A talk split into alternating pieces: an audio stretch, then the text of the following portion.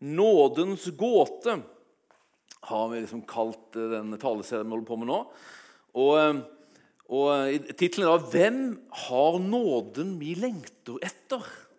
Altså, for Jeg tror at alle mennesker lengter etter eh, Guds nåde. Jeg og Kristine vi har lest bok.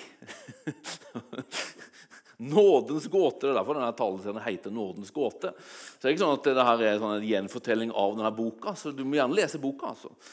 For Det står mye i den boka som ikke vi sier, og så sier vi veldig mye som ikke det står i den boka. Så du trenger begge deler. Det er ikke sånn at nå gidder jeg ikke gå på møte for noen uker og bare lese boka. Det funker ikke. Men det står noe veldig bra i den. Det står nåde er noe alle lengter etter, men samtidig noe av det som er vanskeligst for oss å ta imot. Altså, alle lengter etter Guds nåde. Nåden det er jeg bruker å si, Nåde, nåde betyr gave. Det Det er Guds gode gave. Det er Guds godhet gitt som en gave.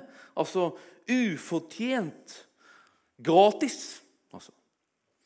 Og gaven handler om tilgivelse, det handler om godhet, det handler om en gunst fra Gud. altså. Gitt som en gave. Jeg bruker å si, Nådens gave det er som en mynt med to sider. Og Den ene sida sier at du får ikke det du fortjener.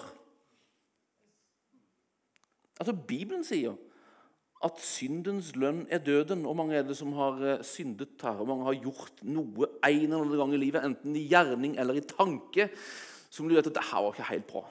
Ikke helt liksom perfekt standard på det her. Altså. Alle! altså.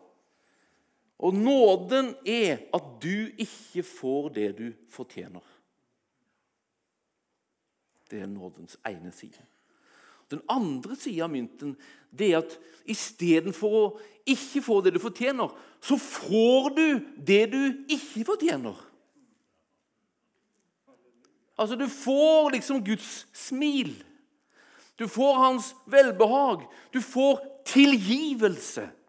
Du får hjelp. Du får kraft. Du får styrke. Ja, du kan til og med oppleve å bli helbreda. Det er hans nåde. Altså. Og det er det vi prater om de her ukene.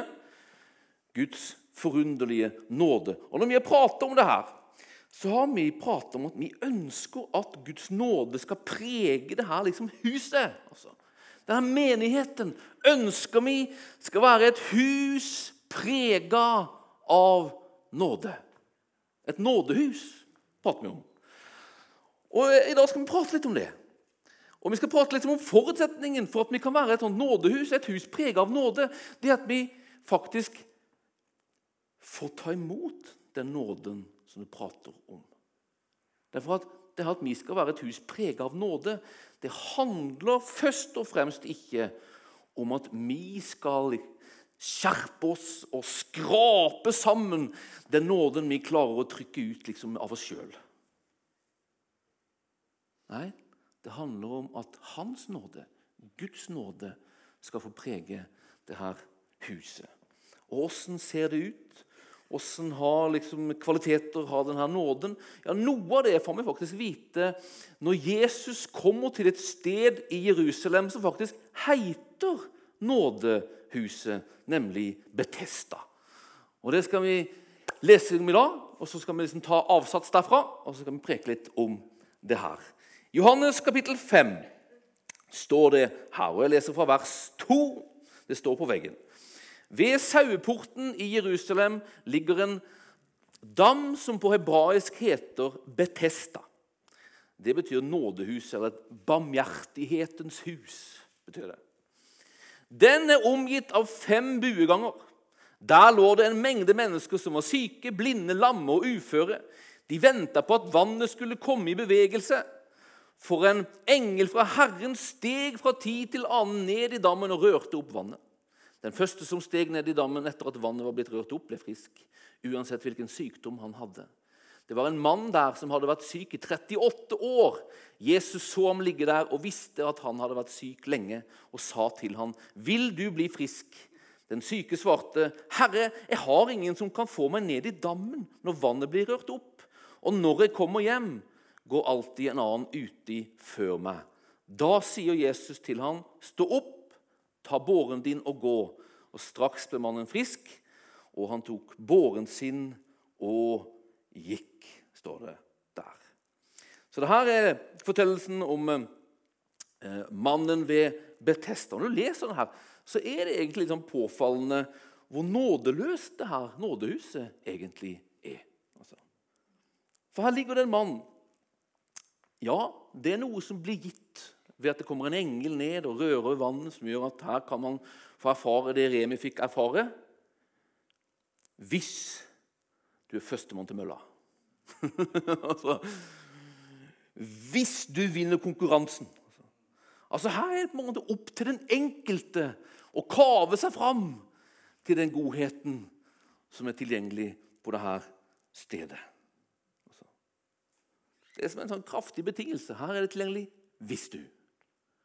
Og Av og til tenker jeg sånn Vi ønsker å være et nådehus. Jeg tror at Guds menighet er kalt til å være et nådehus. Kirkas budskap, evangeliet, det er et nådens budskap til alle mennesker. Men så stiller jeg meg spørsmålet hjelper vi mennesker til en erfaring av denne nåden, eller gir vi folk et inntrykk av at de må kjempe noen meter sjøl ved å endre seg eller skjerpe seg eller å endre noen omgivelser og kvaliteter hos seg sjøl før man kan få smake denne nåden fra Gud. Før man kan bli ønska velkommen i fellesskapet. Før man kan stige ned i nådebassenget som Gud har beredt for oss. Åssen altså. er det egentlig? Der nådehuset var iallfall et sånt sted. Denne mannen har vært syk i 38 år. Han hadde kjempa i 38 år. Man vet ikke hvor lenge han hadde kjempa ved denne dammen for å komme nedi der. Men han hadde iallfall kjempa. Men så kommer Jesus. Og så forvandler han det herre nådeløse nådehuset til et virkelig nådehus. Han kommer med gaven.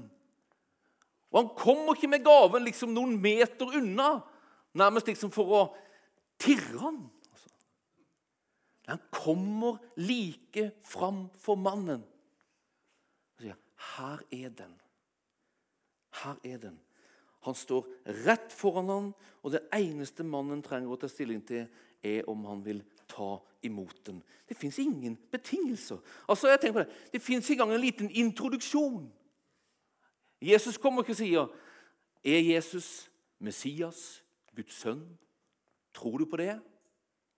Og så viser han tro på det, får han ta imot. Nei, han bare kommer og sier, 'Vil du bli frisk?' Altså, vil du ha det du lengter etter? Og mannen svarer vel egentlig ikke rett.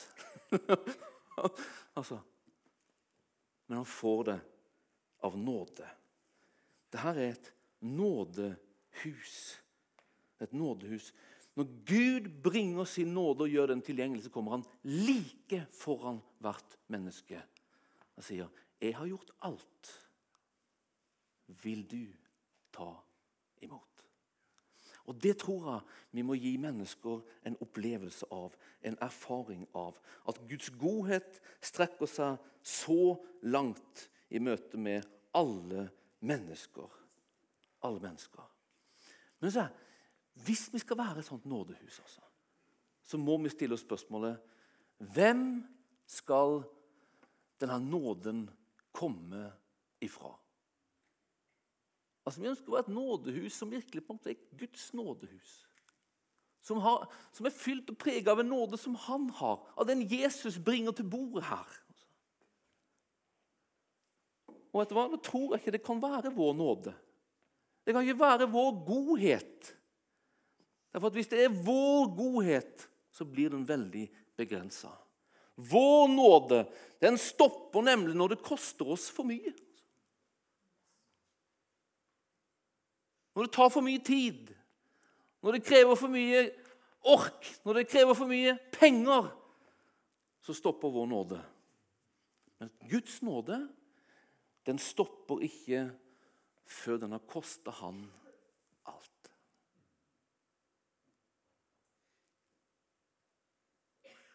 Og hvis vi skal ha en nåde som sprenger noen grenser, en nåde som strekker seg lengre, en godhet, en medmenneskelighet med mennesker rundt oss, så trenger vi å få tak og få ta imot noe av den nåden han har.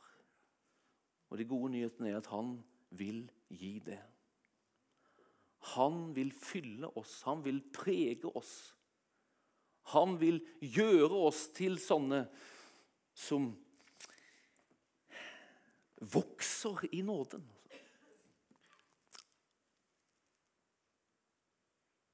Vi kan bare gi det vi har. Og min evne til å vise nåde og godhet den er begrensa. Jeg bekjenner det. jeg trenger hjelp, altså. Men takk Gud at det er en del av nådens eh, side. Det er at en, han vil gi meg hjelp. Han vil gi meg hjelp. Og skal til for at vi skal ta imot denne nåden, da?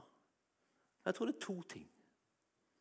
For det første så må vi forstå at han vil gi den til oss. Vi må forstå at Gud er god. Hvordan kan vi forstå det? Jo, Jeg tror vi kan få tak på noe av det når jeg preker om det, f.eks. Jeg tror vi kan få tak på det når vi leser om det i Bibelen. Derfor preker vi om det. Troen kommer av forkynnelsen, bruker vi å si. For Guds ord er sånn, Når vi preker det, så er det som at det blir sånn, det er levende, sånn at han holder på liksom å overbevise oss om det som blir sagt. Så du kan bli overbevist om at Gud er god når vi preker det. Og så tror jeg at han, han, han vil gi den til oss liksom, gjennom Den hellige ånd. Forrige søndag når vi hadde lovsangskveld her, og det ble ikke sagt så mye, kanskje, det ble ikke prekt så mye, men da, da, da, da, har jeg hørt at folk hadde en erfaring av Gud. Møtte han, erfarte han, smakte han. Og på ulike måter kan det skje. Det kan òg skje i fellesskapet vårt. Jeg kan oppleve noe av Guds godhet. Hvis det finnes en varme i fellesskapet, så kan det være med liksom å øke forståelsen og erfaringen vår av at Gud er god.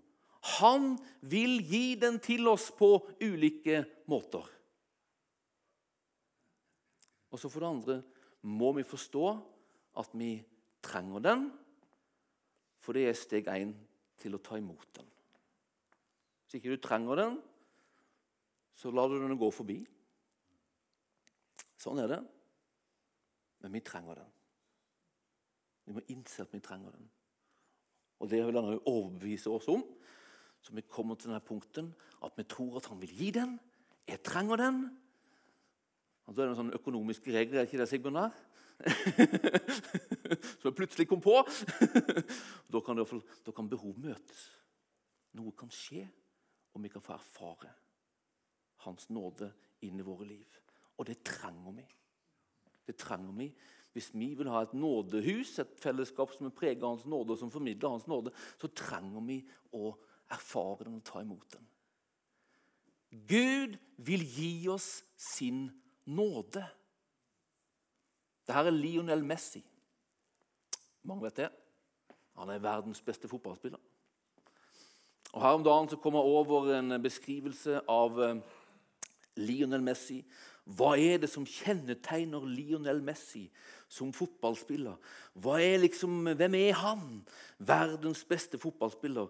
Hvorfor er han verdens beste fotballspiller? Jo, han er full av selvtillit og kreativitet på banen. Han kombinerer hurtighet og teknisk begavenhet på en unik måte. stod Han gjør ofte rette valg og har et instinkt for hva han skal gjøre. Nå må du notere, Bjørn. Der er fotball, vet du. Han har en fysisk styrke, sto det. Han utviser en mentalitet av sportslighet, av respekt og mot. Dette er det som gjør han til verdens beste fotballspiller. Og Så leste jeg beskrivelsen av ham. Dette er liksom en side på Internett jeg kom over, som er liksom sånn, her er tips for unge, drømmende barn og ungdom som vil bli bedre fotballspillere. Og Så står det til de her unge så står det, Messi er unik. Han er alene av sitt slag. Ingen kan spille fotball som Messi, men du kan definitivt lære av han og ta inn elementer av hans måte å spille fotball på i eget spill. Og Da tenkte jeg på det. Guds nåde, Guds godhet, Guds natur. Altså. Det fins ting som kjennetegner Gud, som beskriver Gud i Bibelen. Men han er unik. Han er fullkommen, alene i sitt slag. Ingen kan være som Gud i alt, men vi kan definitivt lære av ham. Vi kan definitivt ta inn elementer av hans måte å være på når vi skal leve våre liv som etterfølgere av henne. Åssen beskrives han i Bibelen, Gud? Jo, i Gamle testamentet så fins det faktisk et portrett av Gud i fem punkter som beskriver hans natur. Det står i 2. Mosebok, kapittel 34, og vers 6. For jødene er det en kjempeviktig greie. For der ser de hvordan Gud er i forhold til sitt folk. Hvordan ser hans hjertelag ut i forhold til de? Og Det er kjennetegnet av fem punkter. Han er barmhjertig, han er nådig, han er sen til vrede, han er rik på miskunn, og han er rik på sannhet og trofasthet. Eller trofasthet. Det ordet der kan bety begge deler. Han er barmhjertig, Gud. Barmhjertig. Vet du hva det her ordet barmhjertig det er et artig ord. Det er et ord som er samme liksom, ord egentlig som ordet livmor. Livmor. Og ordet barmhjertig, når Gud er barmhjertig, så er det som at han er barmhjertig som en forelder er barmhjertig. Det her er Gud i Det gamle testamentet. Og Hvis du er, er forelder, så, så, vet du noe av denne liksom, barmhjertigheten, denne medfølelsen, det som vekkes i deg når barna dine har problemer. For når barna dine kanskje blir mobba, eller om barna dine blir syke, eller du ser at barna dine har det vondt, så våkner det noen følelser i deg som forelder. Og det er denne barmhjertigheten. Medfølelse står det på engelsk. Denne kvaliteten Gud har. Det er hjertelaget han har. Det han går og bærer på i forhold til sitt folk. Når de har det vondt, så våkner det en følelse av barmhjertighet hos Gud. Han er nådig. I Gamle testamentet er Gud beskrevet som nådig. Det betyr at nådig, det her ordet 'nådig' det er liksom som et sånn velbehag. Han ser på noe med et velbehag, med en slags fornøydhet. Dette ordet brukes bl.a. Når, når, dere klappa for Lillian, der, så var det fordi det var bra, det var fint. det var et slags, hmm, Så klapper vi. Og det er det her ordet. Altså. Nådig. Han liker mennesker, Gud. I Gamle testamentet. Altså. Han beskrives som en sånn Gud. Og når Lillian og de eh, får applaus, er det fordi de fortjener det. Men i Bibelen og også i Gamle testamentet brukes denne nådig òg om mennesker som ikke fortjener det. Det står bl.a. om Jakob, forræderen Jakob, altså som lurte seg til alt. Han står det at Gud var nådig mot ham. Han er sen til vrede, står det. Altså Han blir ikke kjapt sinna. Men Gud blir sinna. Noen har problemer med at Gud blir vred, men egentlig er det jo ganske naturlig. Er du god, så er du ikke likegyldig. Du er ikke likegyldig til det som skader det du elsker. Er du likegyldig mot, uh, mot uh, det som skader dine nære og kjære? Du er jo ikke det. Gud er ikke likegyldig til det som skader hans nære og kjære. Så han blir vred mot sånt. Det er jo en egen preken. Det skal vi ikke preke om nå. Han er rik på miskunn, står det. Det her er Guds liksom godhet i handling. Det står om det her ordet at det ordet det er ikke en sånn teori eller bare en fin følelse. Det er et handlende. Hans miskunn, hans godhet, handler. Sånn beskrives Gud. Og så er han rik på sannhet og trofasthet. Det betyr at han er den samme alltid. Det er fem punkt som beskriver Guds natur i Det gamle testamentet. Hans kjærlighet til Israel i Det gamle testamentet. Dette er Gud i forhold til Israel i Det gamle testamentet. Gud er en nådig Gud. Og Så kommer vi over i Det nye testamentet, så plutselig så utvides holdt jeg på å si, det her hjertet fra Gud. For plutselig så er det ikke bare hans hjerte utstrakt mot Israel, men plutselig er det hans hjerte utstrakt til hele verden. Gud elsker hele verden. Han elsker hele verden. Og Nå er det ikke lenger det, det som synliggjør Guds kjærlighet, nåde og godhet mot verden. Det er ikke bare at han kommer og sier det til Moses eller til en annen en, men han demonstrerer det ved Jesus Kristus. Jesus er budskapet fra himmelen som sier 'Jeg elsker verden'. Hvordan ser det ut når Gud elsker verden? Se på Jesus. Hvor mye elsker Gud verden? Se på Jesus. Åssen ser det ut når, Jesus, når Gud elsker verden? Se på åssen Jesus levde. Hvor mye elsker Gud verden? Se på hvordan Jesus døde. Se på hvordan Jesus døde. Korset er liksom sentrum av det Gud ønsker å fortelle denne verden. Det Gud ønsker å fortelle du, det Gud ønsker å fortelle meg. Så når Han vil på en måte prente inn til oss i Froland misjonskirke at Han elsker du, Hans nåde er utstrakt, du er måltavla for Hans nåde og godhet, Hans gave, så sier han 'se på korset' hva du ser der. Hva ser vi der? Hvem henger der? Jo, det henger et menneske der. Men det henger et menneske som på en måte som er mer enn et menneske. Et menneske som er Gud sjøl. Når han vil fortelle denne verden hvor mye han elsker den, så stiger han ned og så lar han seg feste til et kors, og så gir han sitt liv. Det var menneskets situasjon i forhold til Gud. Korset blei en nødvendighet fordi vi mennesker hadde satt oss i en situasjon der vi umulig kunne komme til Gud. Relasjonen med Gud ble, var ødelagt.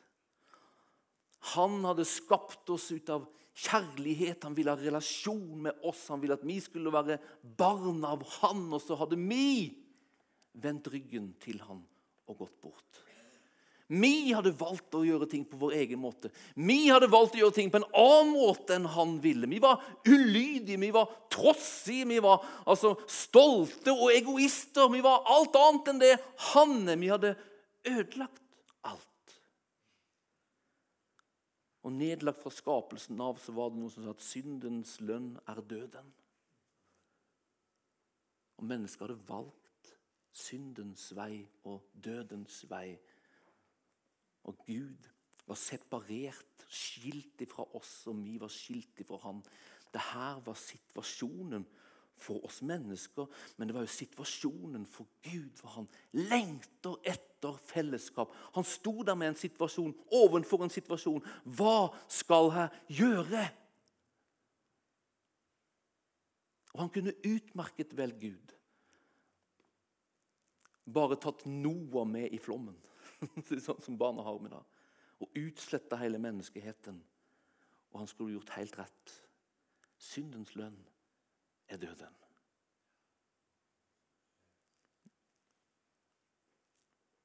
Men det fantes noe hos Gud som ikke klarte det. Hans kjærlighet klarte det ikke. Hans barmhjertighet klarte det ikke. Jeg må finne en vei. Jeg må finne en vei. Jeg må finne en måte å få denne synden sona uten at alle mennesker dør. Alle mennesker hadde dødsstraffen over sitt hode. Alle mennesker hadde nok med seg sjøl og sin egen synd. Alle mennesker hadde en skyld som sa du må betale alt. Du må betale med ditt liv. Når Gud speider over, så ser han ingen uskyldig. Det som kunne altså Det finnes ingen som kan dø, og ingen som kan betale for noen andre.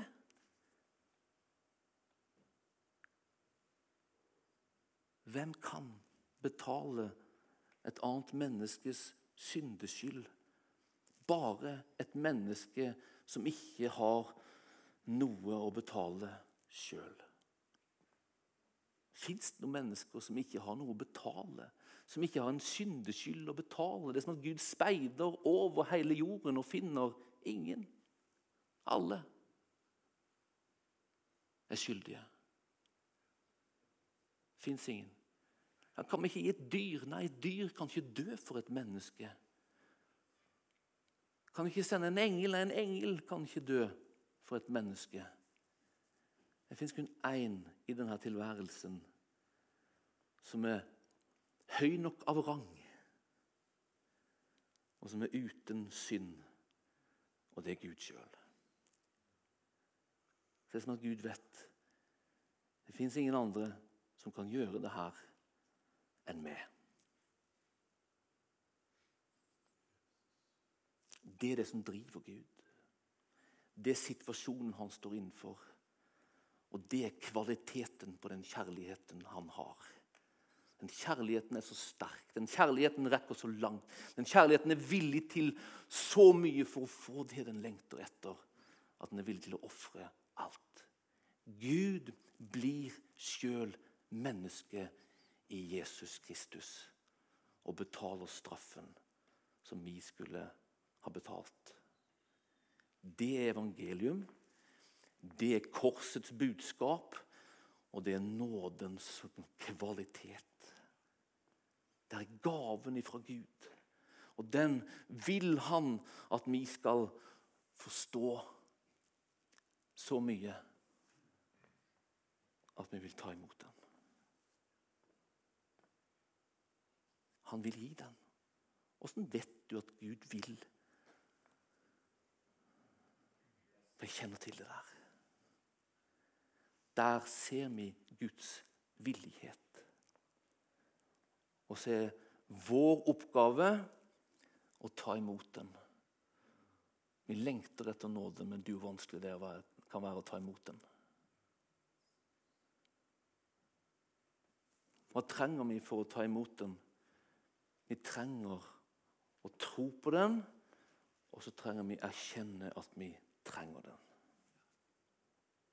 Vi trenger å erkjenne at vi trenger den, min venn. Uten den er vi sjanseløse. Vi får det ikke til. I vår del av verden så kan vi tenke for her er på en måte unnskyldninger vi ofte kommer med. Det, vi klarer oss jo ganske bra. Vi klarer oss ganske bra. Altså rettferdiggjøre oss sjøl.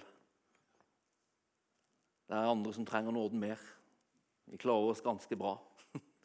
Men problemet med alle de unnskyldningene er at du egentlig stenger nåden ute. For å ta imot noe så trenger våre hender å være åpne. Og når vi unnskylder oss og bagatelliserer ting, så holder vi egentlig nåden stengt eller hendene stengt og stenger nåden ute. Vi klarer oss jo ganske bra underforstått. Det trenger han ikke, kanskje. så mye. Ikke så mye som han eller hun, i alle fall. Men du begrenser din evne til å ta imot. Eller alle har vi jo noe. Man unnskylder seg for bristen i eget liv. Begrenser Guds mulighet til å bringe nåde inn i våre liv. Eller så utnytter du den og synder på nåden. Velger å synde, velger å gjøre det du vet er feil, for du får ut tilgivelse allikevel. Vet du, Når du gjør det, så stenger du nåden ute fra livet ditt. Altså Det å synde på nåden, det går liksom ikke riktig. Fordi at du velger å holde fast ved noe. Og for at han skal komme inn i våre liv med sin nåde og sin godhet og sin hjelp, sin tilgivelse, så trenger han åpne hender. Vi må gi slipp på det vi bærer. Derfor sier Philip Jernsen sier seg, nådens øyeblikk er anger. Det du angrer og bringer det til Han, da er øyeblikket som nåden kan komme inn i våre liv. Det siste punktet er at du ikke er verdig. Jeg er ikke verdig. Det er skammen som taler. Det er skammen som taler. Det var det mannen ved Betesta på seg sleit med. Altså, det var utenkelig for han. Han måtte kave seg ned i. Det fins ingen. Når, spør, når, Jesus spør vil du bli frisk, så kommer masse unnskyldninger. Forklaringer. La ikke skammen få stjele nåden inn i våre liv. La ikke skammen lure deg til å si at du ikke får lov til å ta imot det. Du er verdig Hans nåde. Du er verdig Hans nåde. Ikke fordi du er verdig, men fordi Han som er gaven, Jesus Kristus, er verdig.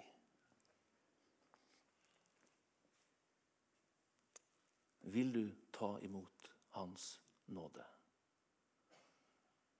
Hans hjerte er utstrakt til denne verden. Han ønsker å bringe det til denne verden gjennom oss. Da må vi først forstå at hans hjerte er utstrakt til oss. Når han ser dine problemer, er han ikke likegyldig. Når han ser at du liksom sliter, ikke får ting til, han er ikke likegyldig hans hjerte er full av barmhjertighet. Barmhjertighet. Det fins en story helt til sist. Dommerboken, kapittel 10. Og Dommerboken så, så ser vi gang på gang hvordan Gud frelser sitt folk. Gang på gang så ser vi at Israels folk de er hjelpeløse. Liksom de blir plaga av nabofolk. og Så kommer de til sin Gud og så roper de om hjelp, og så bringer Gud hjelp gjennom de her dommerne, lederne, som han liksom får, sender for å hjelpe dem. Du har Gideon og du har Samson og mange sånne her som er nevnt i dommerbøkene. Mange ganger altså, så, så får folket hjelp av Gud. Når de har fått hjelp av Gud, og det er fred og fryd rundt dem, så blåser de i Gud for å si det på sånn forlandsk. Og så begynner de å gå sin egen vei.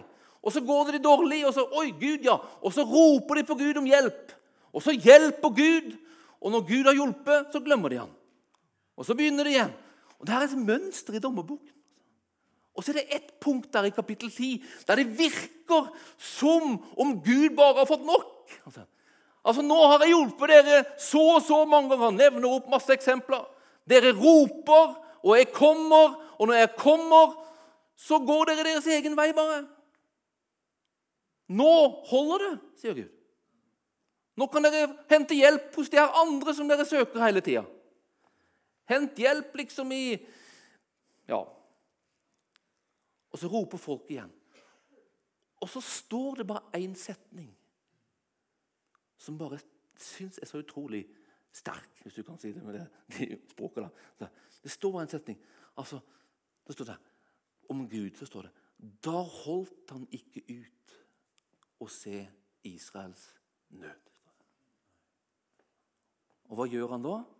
Da handler Gud atter igjen ved å sende en frelser.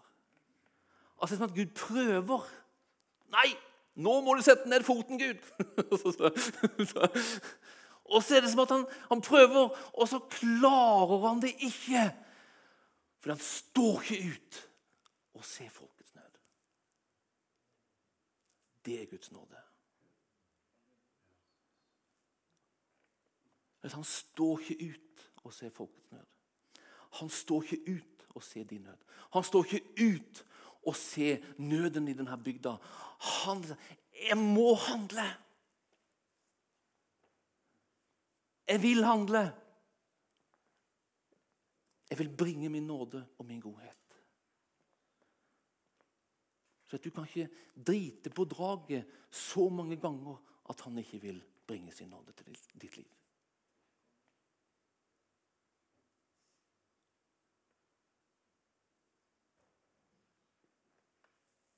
Vi trenger å ta imot dem. Vi trenger å få tro på en sånn Gud.